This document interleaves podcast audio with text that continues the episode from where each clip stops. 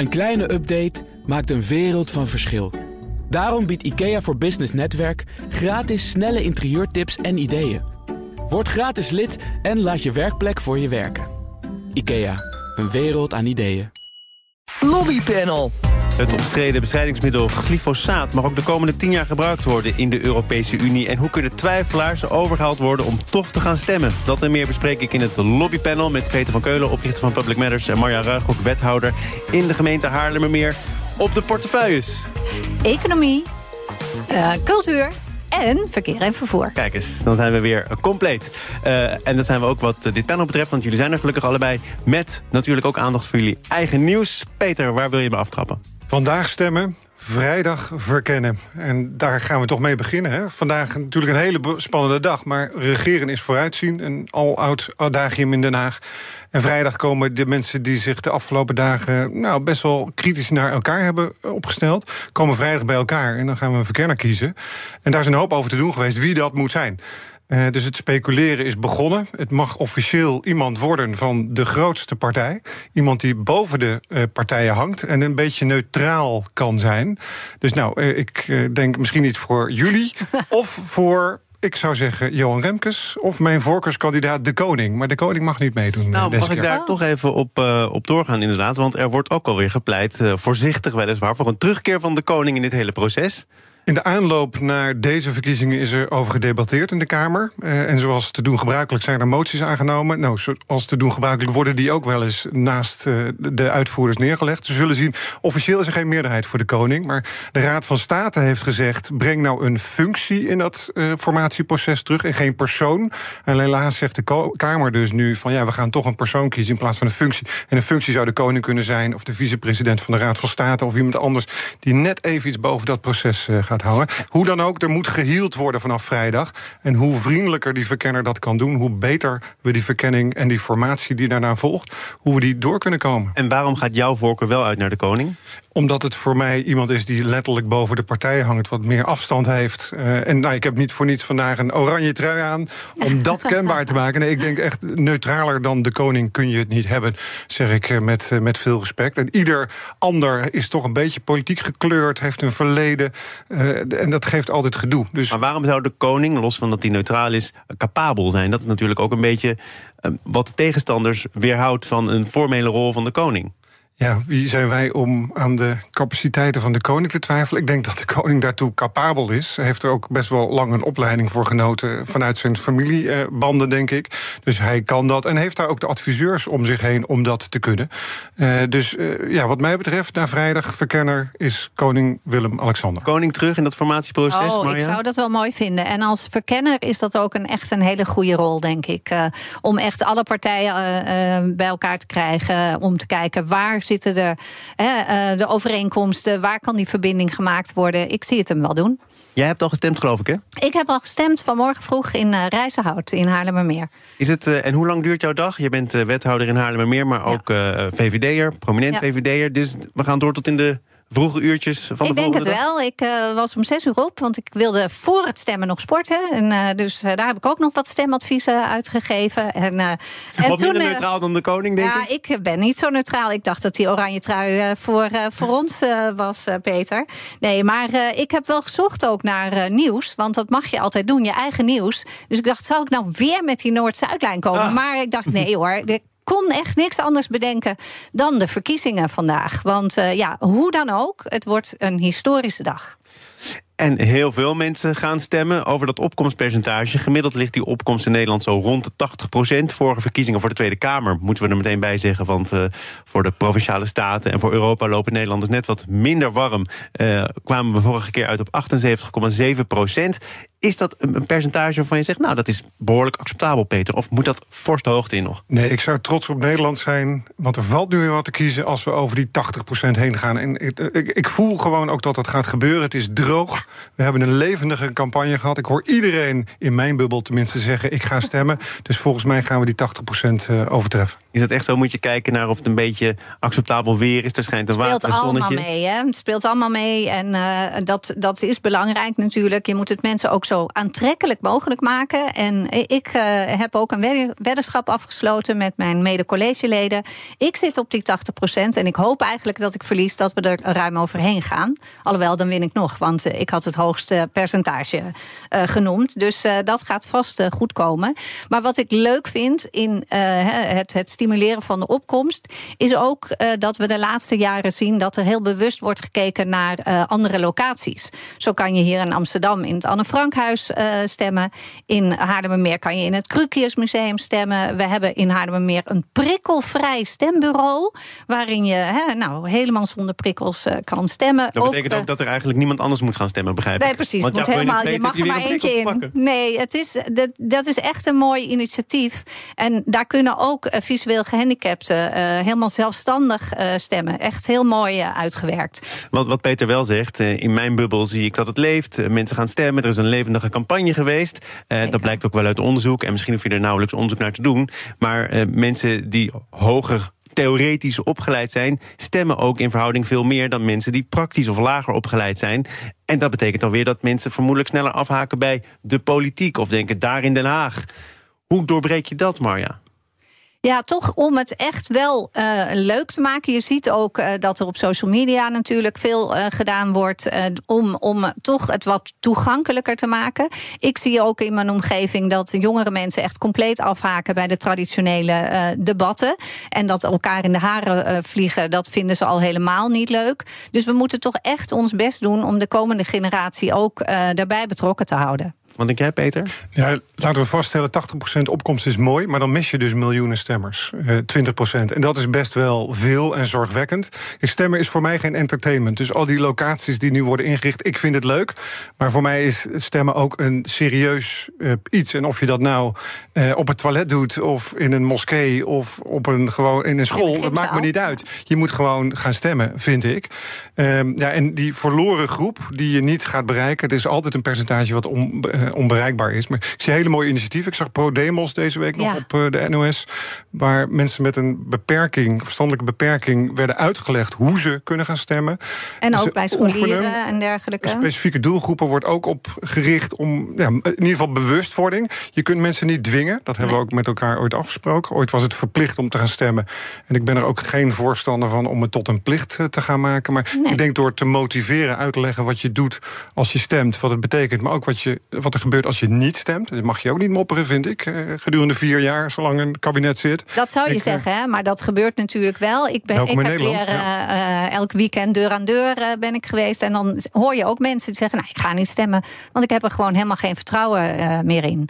En dan kan je inderdaad wel ja, praten als brugman. Maar dan wordt het heel moeilijk. Mensen zijn gewoon zo niet gemotiveerd.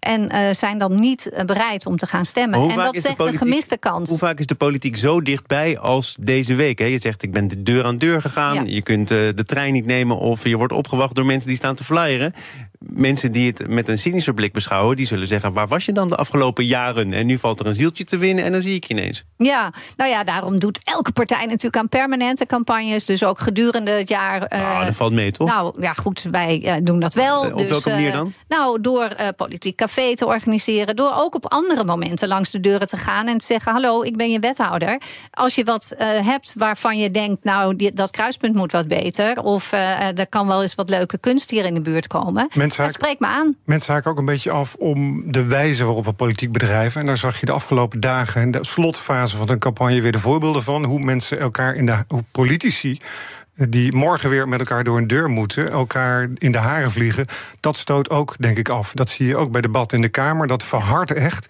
Uh, en ik denk dat ook politici zich, zich daarvan akte moeten nemen om het gedrag ten opzichte van elkaar toch een beetje uh, fatsoenlijk te houden. Eens. We gaan naar uh, een tweede onderwerp in dit panel. Zaken doen.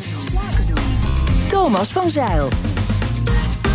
Want net voor het eh, verkiezingsreces van de Tweede Kamer... is er nog een aantal maatregelen in het Belastingplan 2024 gewijzigd. Zo wordt onder meer de expatregeling versoberd... de vrijstelling van dividendbelasting bij de inkoop van eigen aandelen wordt afgeschaft. Er wordt nog even gesoebeld over het eh, percentage dat gaat gelden. Het plan wordt nu behandeld in de Eerste Kamer. Plenaire behandeling staat gepland op 11 en 12 december. De stemming op 19 december. En de vraag is, kunnen lobbygroepen, belangenverenigingen... nog invloed uitoefenen op wat er is afgehamerd in de Tweede Kamer? En dat hele proces daarvan meen ik me nog te herinneren... dat een aantal Kamerleden zei... poeh, er gaat hier in een noodvaart van alles doorheen. Ik krijg daar buikpijn van. Dit is wat we hadden afgesproken niet meer te doen, Peter. Toch, toch is het diep in de nacht nog onder de hamer gegaan... en nou, kijk maar of er brokken van komen of niet. En die brokken zijn er gekomen. Er werd gesproken van een verbouwing. Maar het ging niet om een verbouwingje, een dakkapelletje. Maar dat was een serre erbij, zes dakkapellen en drie nieuwe badkamers. Dus heel ingrijpend. In het moment dat er verkiezingscampagne was... dat D66 was afgehaakt in de campagne... Eh, en dat de partijen elkaar de handen niet meer vasthielden... op een moment dat het belastingplan wordt behandeld. Dus een beetje een perfect storm. En daar zie je nu alle scherven van die je net eh, opsomt. Maar er is veel meer dan dat. Uh, is er verschoven in de belastingplan en daar zit nu de Eerste Kamer mee. Ja, en en hoe, hoe kan het dan dat dat, uh, zoals je zelf zegt, uh, nog, nog royaler uitpakte dan een verbouwing? Er werden hele serres uh, aan huizen toegevoegd. Hoe, hoe kan dat dan als je tegelijkertijd zegt, nou, in, in zo'n noodvaart doen wij dit soort dingen niet meer, want daar komen ongelukken van? Waarom, waarom lukte dat toen wel? Ja, omdat de Kamer aan zet was. En natuurlijk, dat is het mooie van democratie. De Kamer besluit ook en bepaalt. Eh, maar dat moet wel op basis van zorgvuldigheid gebeuren. Belastingplannen hebben een doorlooptijd vaak van een paar jaar om bepaalde wijzigingen door te voeren. En nu ging dat overnight. Ja, dus dat zag je ook. Hè. Het, het, kwam door de miljoenennota natuurlijk. Die werd gepresenteerd en behandeld in de Tweede Kamer. En de Tweede Kamer heeft bij een heleboel dingen gezegd: dat willen we anders. We hebben geld nodig om bijvoorbeeld minimumloon omhoog te hebben op benzine omlaag. Nou, en uit het groeifonds. Precies. Dank dus allerlei uh, manieren worden er gezegd van we hebben dat geld nodig. Waar kunnen we het vandaan halen? En dan ontstaan er dingen waar normaal echt heel zorgvuldig maanden, misschien wel jaren over gedaan wordt. Wordt er nu eventjes doorheen gejast, om het uh, oneerbiedig te zeggen. Het is democratie. Het is hartstikke goed dat het gebeurt. Maar ja, ik herinner me ook nog wel de mensen die zeiden: wat heerlijk dat er niet meer zo direct via partijlijnen wordt gedacht. En er wordt Zeker. gekeken naar of er nog meerderheden creëren zijn. Het is niet meer kabinet versus Kamer. Nee, er worden hier coalities gesmeed die losstaan van de machtsverhoudingen van dat moment. Dat is heel goed en daarom is het ook heel goed dat we een Eerste Kamer hebben. Hè, want is het ook haalbaar, realiseerbaar, betaalbaar, eh, uitvoerbaar? Uh, we hebben natuurlijk wel een aantal brokken ook uh, gemaakt uh, door dingen door, doorheen te halen waarvan later gedacht is: goh, was misschien niet zo'n goed idee. Maar doe je dus dan bijvoorbeeld op? Nou, uh, de toeslagenaffaire. Uh, dus uh, je kan nu, is het bij de Eerste Kamer, maar dan moet het relatief ook nog heel snel. Hè? En, en dus wat dat, zijn de bronnen die, die ze hebben? De Eerste Kamer mag ook alleen maar instemmen of afstemmen. afstemmen. Nou, afstemmen gaan ze niet doen. Dus met heel veel kunst en vliegwerk kunnen ze nu tenminste de pijn agenderen. Dat is ook gebeurd. Hè. Er ligt een verslag in de Kamer van 90 bladzijden, waar de Kamerleden vragen hebben gesteld aan het ministerie van Financiën. Hoe zit dit, hoe zit dat? Nou, dat is ook best wel uitgebreid. Daar komt nu een volgende rond uh, van schriftelijke vragen en daarna die plenaire uh, afhandeling. Maar ze kunnen niet wijzigen, ze kunnen niet amenderen. En dat kan wel, maar dat is technisch heel ingewikkeld. Gaat waarschijnlijk niet gebeuren. Dus het is best nog wel ingrijpend om nog iets in de Eerste Kamer bij te gaan sturen. Maar dat gaat wel gebeuren. Maar het gaat wel gebeuren natuurlijk. Mensen zullen allemaal, uh, ja, part ja, partijen, organisaties, zullen toch proberen om aan te geven. Hè, wat kan er nog anders. Het is heel beperkt. Het is inderdaad uh, ja of nee. Nou, als je naar de, het gros van de maatregelen kijkt... en de, het stemgedrag in de Tweede Kamer... en dat trek je door naar de Eerste Kamer... Is, is de kans klein dat er nog zaken veranderen. Want dan moet er een novelle worden ingediend... en dat is een nieuwe wet, die moet ook weer door de Tweede Kamer. Nou, dan gaat die Tweede Kamer dat ook weer terugverwijzen. Het voorbeeld is de 30%-regeling... waar ja. mensen in Nederland werken van het buitenland... of werken of, of, of onderzoek doen of Experts, in ziekenhuizen werken. Ja. Precies, die, daar ligt een uh, amendement. Ja, daarvan heeft de ChristenUnie al gezegd... als jullie Eerste Kamer dat gaan wijzigen... dan stemmen we die hele 30%-regeling weg. Dus daar zijn al dreigementen vanuit de Tweede ja, Kamer nu is het uit... om afbouw, niet te kunnen wijzigen. Nu is het uh, stapsgewijs wordt het afgebouwd... als het aan uh, Pieter Omtzigt lag. Dat is ook een uitruil geweest. De opbrengst van die maatregel wordt gebruikt om de pechgeneratie studenten die een studentenlening heeft om de renteverhoging te compenseren. Dus je combineert daar ook belangen die niet combineerbaar zijn. Dat is niet nieuw, toch, dat er wordt uitgeruild? Nou, op deze manier wel heel erg opportunistisch. Uh, en ook een, zodanig dat je als Tweede Kamer in verkiezingstijd niet tegen zo'n amendement bent. Want als je tegen zo'n amendement stemt, stem je tegen studenten die met moeilijke leningen zitten. Dus dat is heel smart uh, gebeurd. Maar, ja, maar er zijn ook wel dingen teruggetrokken. Hè? Bijvoorbeeld uh, die extra tax op Schiphol. Daarvan werd toegezegd: oh, nou ja, dat is niet haalbaar en realiseerbaar. Dus daar is die motie toen van ingetrokken. Maar wat er nu allemaal ligt, dat heeft natuurlijk een meerderheid gekregen in de Tweede Kamer. Dus moet de Eerste Kamer daar nu uh, zich over buigen. En ja, dat gaat wel met een, een snelheid die we normaal uh, niet zo doen. De accijnsverhoging op bier, die werd gehalveerd. En die werd uitgeruild, wonderlijk en overnight. Echt totaal, totale willekeur op een verhoging van de kansspelbelasting. Dus zo willekeurig, daar waar normaal bij een begroting uh, er honderden ambtenaren doorrekenen, ja. antwoorden, En vaak binnen het programma, hè, binnen je eigen uh, onderwerp. Nou ja, dus, daar, daar, daar noem ik bijna het groeifonds... waar ja, onder andere de VVD in het kabinet het regeerakkoord afgesproken... we gaan een groeifonds uh, inrichten. Maar daar is al eerder geld uitgenomen... wat toen naar het mobiliteitsfonds Ja, als we dan toch lekker bezig zijn... halen we er nog 1,2 miljard uit om de benzine Maar dat groeifonds overleeft de formatie wellicht toch ook niet? Hè? Ik bedoel, er zijn heel veel partijen die ervan af willen. Ook omdat ze zien wat er nu mee gebeurt. Er zit nog wel wat in, hè? Dus als we daar maar nuttige dingen mee doen. Laten we dat vooral blijven doen. Peter, tot slot hierover. Hè? De Eerste Kamer, ik uh, haal toch nog maar even een cliché uit uh, de kist, de kast. Uh, de chambre de réflexion. Hè? Er moet toch wat dieper over na worden gedacht... en wat minder heigerig dan in de Tweede Kamer. Betekent ook dat als je nog senatoren wil bereiken... dat je op een andere manier moet lobbyen? Dat je je onderwerp op een andere manier onder de aandacht moet zien te krijgen? Of is dat hetzelfde? Nee, zoals altijd op inhoud. Eh, maar wel politiek eh, gefundeerd. Dus je moet wel vragen stellen aan de Eerste Kamerleden... waarvan je ook weet dat het politiek haalbaar is. Als je nu met een boodschap naar de Eerste Kamer gaat... stem dat belastingplan weg of dien een novelle in. Ja, ik denk dat dat een beetje kort in de bocht is. En er wordt echt wel zorgvuldig en inhoudelijk uh, onderzocht nu... vanuit de Eerste Kamer wat, wat wel en wat niet goed is. Ja.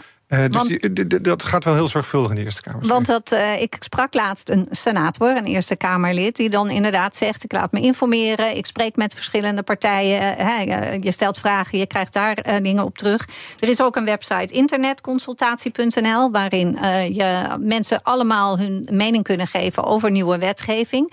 Maar dat zal nu ook allemaal heel beperkt in, in de tijd zijn. Maar er wordt wel echt heel grondig gekeken naar waar kan ik mijn informatie vandaan halen. Dus ja, als jij dat uh, goed op een schoteltje aanbiedt, dan wordt dat wellicht ook meegenomen. We gaan uh, zo meteen alle bronnen bespreken die de Europese Unie heeft gebruikt om glyfosaat, een omstreden onkruidverdelger, toch nog tien jaar toe te staan. Op die panel zitten Peter van Keulen, oprichter van Public Matters... en Marja Ruigrok, wethouder in Haarlemmermeer. De Europese Commissie staat het gebruik van de omstreden onkruidverdelger glyfosaat... ook de komende tien jaar toe. Dat besloot de commissie vorige week. Dat middel is meer en meer omstreden geworden. Het zou slecht zijn voor de biodiversiteit... en tot een verhoogd risico op de ziekte van Parkinson leiden. Kanker wordt ook gemeld. Peter, eh, als deze zweem eromheen hangt... hoe kan zo'n besluit er dan toch doorheen komen? Ja, dit is echt zo'n wel eens niet eens discussie... waar de deskundigen het niet eens zijn. Je een verdeel- en heers politieke discussie krijgt... en vervolgens er geen besluit wordt genomen. Lees, we schuiven het nog even tien jaar voor ons uit. Tien jaar ook, hè? Niet even van, heel lang. doe even één jaar of twee jaar. Of vijf jaar, dat hadden ze ook kunnen doen. Maar dat is tien jaar tegen Je zegt, er wordt geen besluit genomen, maar het besluit is... we staan er nog tien jaar toe, wat op zichzelf weer een besluit is. Ja, nee, ja. Zeker als het over tien jaar gaat. Het besluit is ook dat we niet weten wat de exacte consequenties zijn van het gebruik van eh, glyfosaat. De een zegt wel kankerverwekkend. De WHO heeft het ook als zodanig geclassificeerd... in een bepaalde klasse van producten. Maar er zijn ook weer anderen zeggen die, dat, dat dat niet het geval is... of dat vervangende middelen nog erger zijn. Wie het weet mag het zeggen. De deskundigen zijn het niet eens, dus het is een non-besluit... maar het is wel een besluit. Nou, dan, dan zeggen eh, medici, wetenschappers zeggen... als je het niet zeker weet, maar je kunt het ook niet uitsluiten... dan is er nog zoiets als een voorzorgsbeginsel... Ik heb even gekeken, want ik was niet zo helemaal thuis in uh, uh, glyfosaat. Glyfosaat, uh, glyfosaat. ik zeg het precies weer verkeerd om. Ik denk, oh, laat ik het nou goed zeggen. Glyfosaat. maar op Rijksoverheid, wij zeggen in Nederland, niet doen. Hè? Alleen in, in uitzonderingen dan toch nog in die landbouw.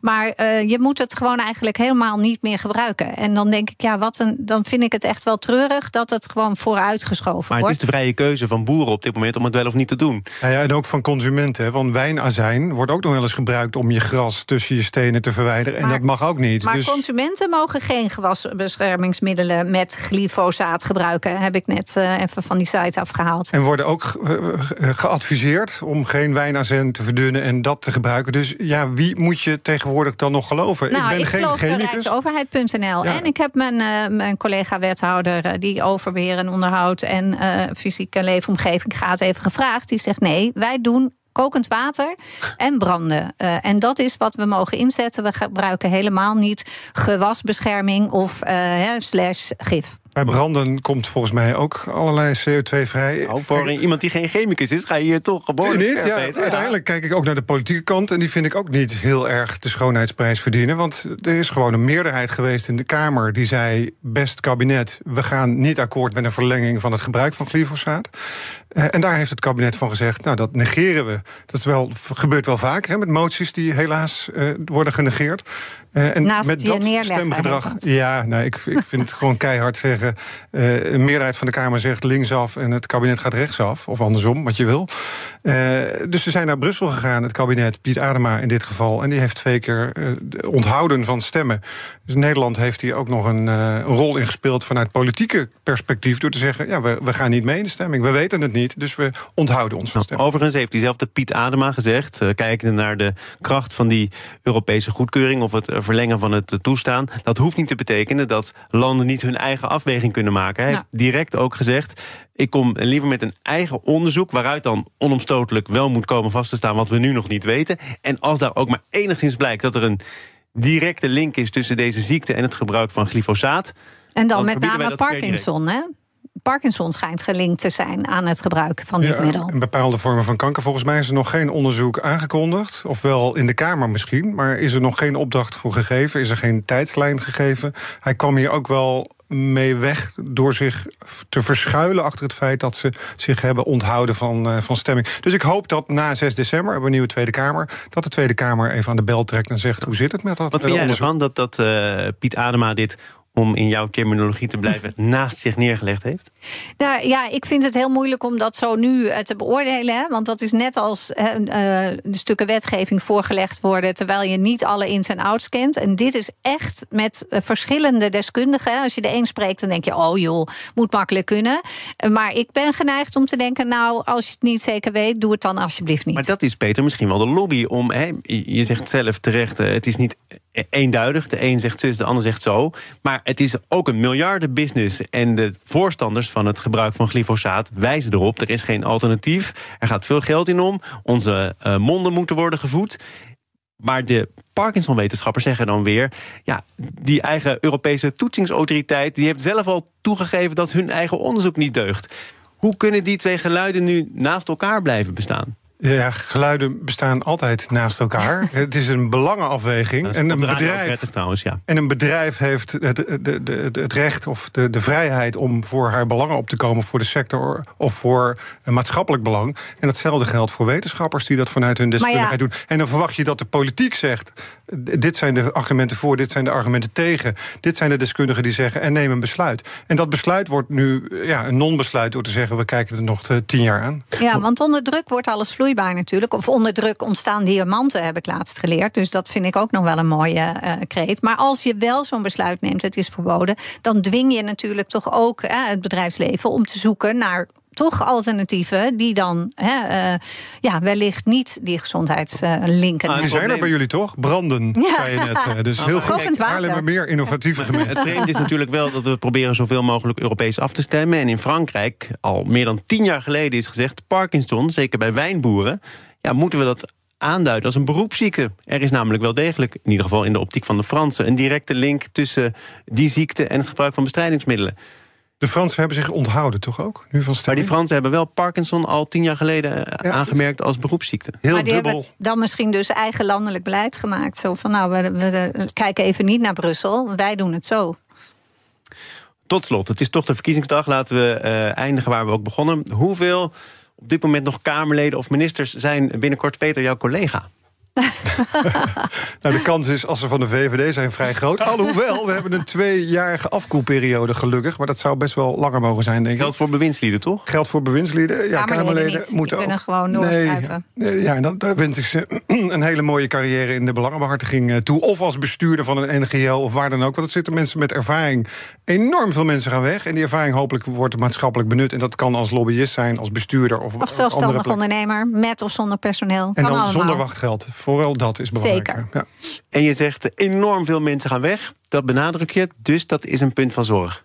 Nee, dat is een punt van actie. Want op 6 december, sterker nog morgen, gaan we nieuwe leden feliciteren. En dan gaan we kijken welke woordvoederschappen worden verdeeld. En hoe kun je op een inhoudelijke manier zo snel mogelijk met die mensen in contact komen. namens Public Matters, dit is mijn nummer. Peter van Keulen. Beste groeten. Beste groeten, eh, beste leden van dit panel. Peter van Keulen, oprichter van Public Matters. Telefoonnummer ontvang je binnenkort als je kandidaat Kamerlid bent en morgen gekozen bent. En Marja Ruigrok, wethouder in de gemeente Haarlemmermeer. Dank voor jullie komst. Veel plezier nog op deze verkiezingsdag. En Dankjewel. tot snel. Dit panel is ook te beluisteren als podcast. Abonneer je gerust via je favoriete kanaal of de BNR-app. Ongevraagd advies. De stembussen zijn geopend, de potloodjes geslepen, zeker als ze rood zijn. Wie wordt de grootste partij van Nederland? Wie levert de premierskandidaat? Als de eerste uitslagen binnenkomen, moeten politieke leiders daar eh, vroeg of laat op reageren. Het is tijd voor advies, ongevraagd advies aan die lijsttrekkers van de politieke partijen. En dat komt van uh, Mark van der Anker van WePublic. Mark, goedemorgen. Goedemorgen. En als die laatste peilingen van Ipsos 1 vandaag en INO Research een beetje kloppen, dan uh, is de strijd nog niet gestreden. Vier partijen die kans maken de grootste te worden. Ik noem ze toch nog even PVV, VVD, NSC en GroenLinks Partij van de Arbeid. Ja, misschien kunnen we er eentje inmiddels afschrijven. Maar de strijd is zoals gezegd nog niet gestreden. Hoeveel denk je dat die partijen hechten aan die slotpeiling? Uh, die, die is vooral een, eh, een, een wake-up call geweest. Dat het, uh, ja, dat het er echt tot vanavond 9 uur, als de stembussen sluiten, dat het er echt nog om gaat. En elke stem telt. Dus ja, de, de campagne is, ja, is grotendeels voorbij, maar nog niet gestreden. En ja, tot op het laatste moment zullen de partijen toch proberen om hun achterban en aan te moedigen om andere mensen te enthousiasmeren om op hen te stemmen. Dus ja, het gaat er echt om. Elke stem uh, telt en uh, die kan het verschil maken uh, vanavond of misschien wel volgende week als ze de definitieve verkiezingsuitslag bekend nou, Volgende week de, de, definitieve uitslag, dan is echt elke stem geteld.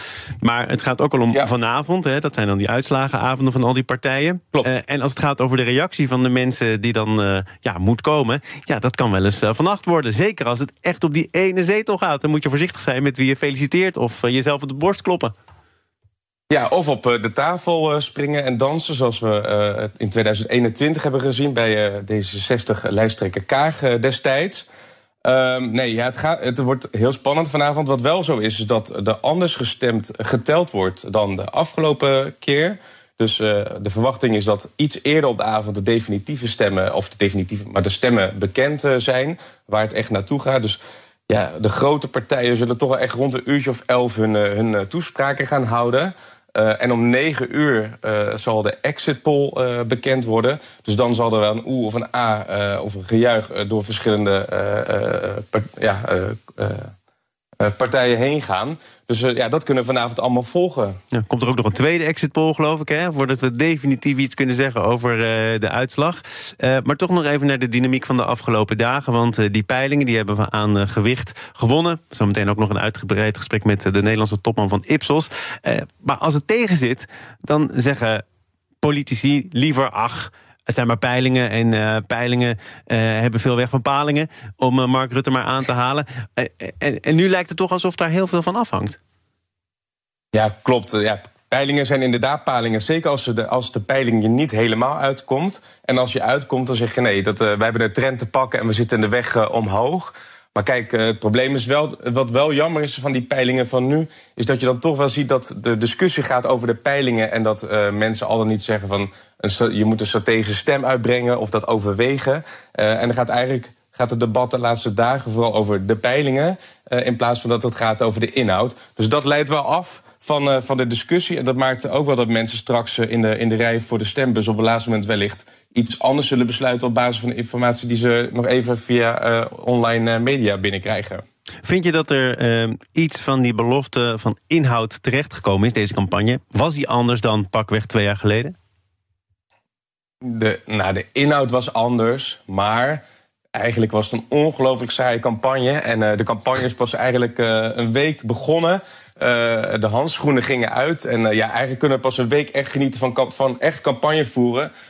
Dus ja, het is jammer dat het nu pas ja, dat het nu toch alweer voorbij is. Ze zijn relatief laat begonnen. Maar ja, afhankelijk van de uitslag vanavond en wat er de komende maanden gaat gebeuren, hebben we misschien staan we alweer eerder bij de stembureaus dan we, dan we hopen. Uh, maar dat hangt vooral uh, van de uitslag uh, vanavond af en de komende weken en maanden. Ja, de komende weken en maanden. Dan loop je alvast vooruit op het formatieproces. Zeker, zeker. Oh, ja. jij verheugt je er ook op, of niet? Ja, zeker. Dat is toch fantastisch om, om straks allemaal te volgen. Ja. Is dat zo? Want uh, sommige mensen kunnen daar ook een, een punthoofd van krijgen. Als je nu kijkt naar uh, de oogst van het inmiddels gevallen kabinet... dan waren dat partijen die nooit of niet meer met elkaar om tafel zouden zitten... en toen de lange leste toch maar weer besloten door te gaan. Ja, is dat nou iets waar je van geniet? Nou ja, dat is ook wel iets waar eigenlijk een zorg zit. En wat ook wel belangrijk is vanavond voor de, voor de toespraken... die de verschillende lijsttrekkers zullen houden tijdens hun verkiezingsavond... waar wij eigenlijk ja, de tijd van verbinding breekt nu aan... Uh, het zal ook belangrijk zijn om uh, ja, over je eigen schaduw heen te stappen, om maar zo'n Haagse term te noemen, en ook je, je, je opponenten te feliciteren. maar ook vooral ja, over een paar dagen wordt te verkennen aangewezen, om te kijken van hoe gaan we elkaar weer vinden. En dat zal voor ons allemaal als kiezer ook wel even wennen zijn over partijen die zeggen dat ze allemaal niet met elkaar de ondeur kunnen, straks toch tot elkaar veroordeeld zijn.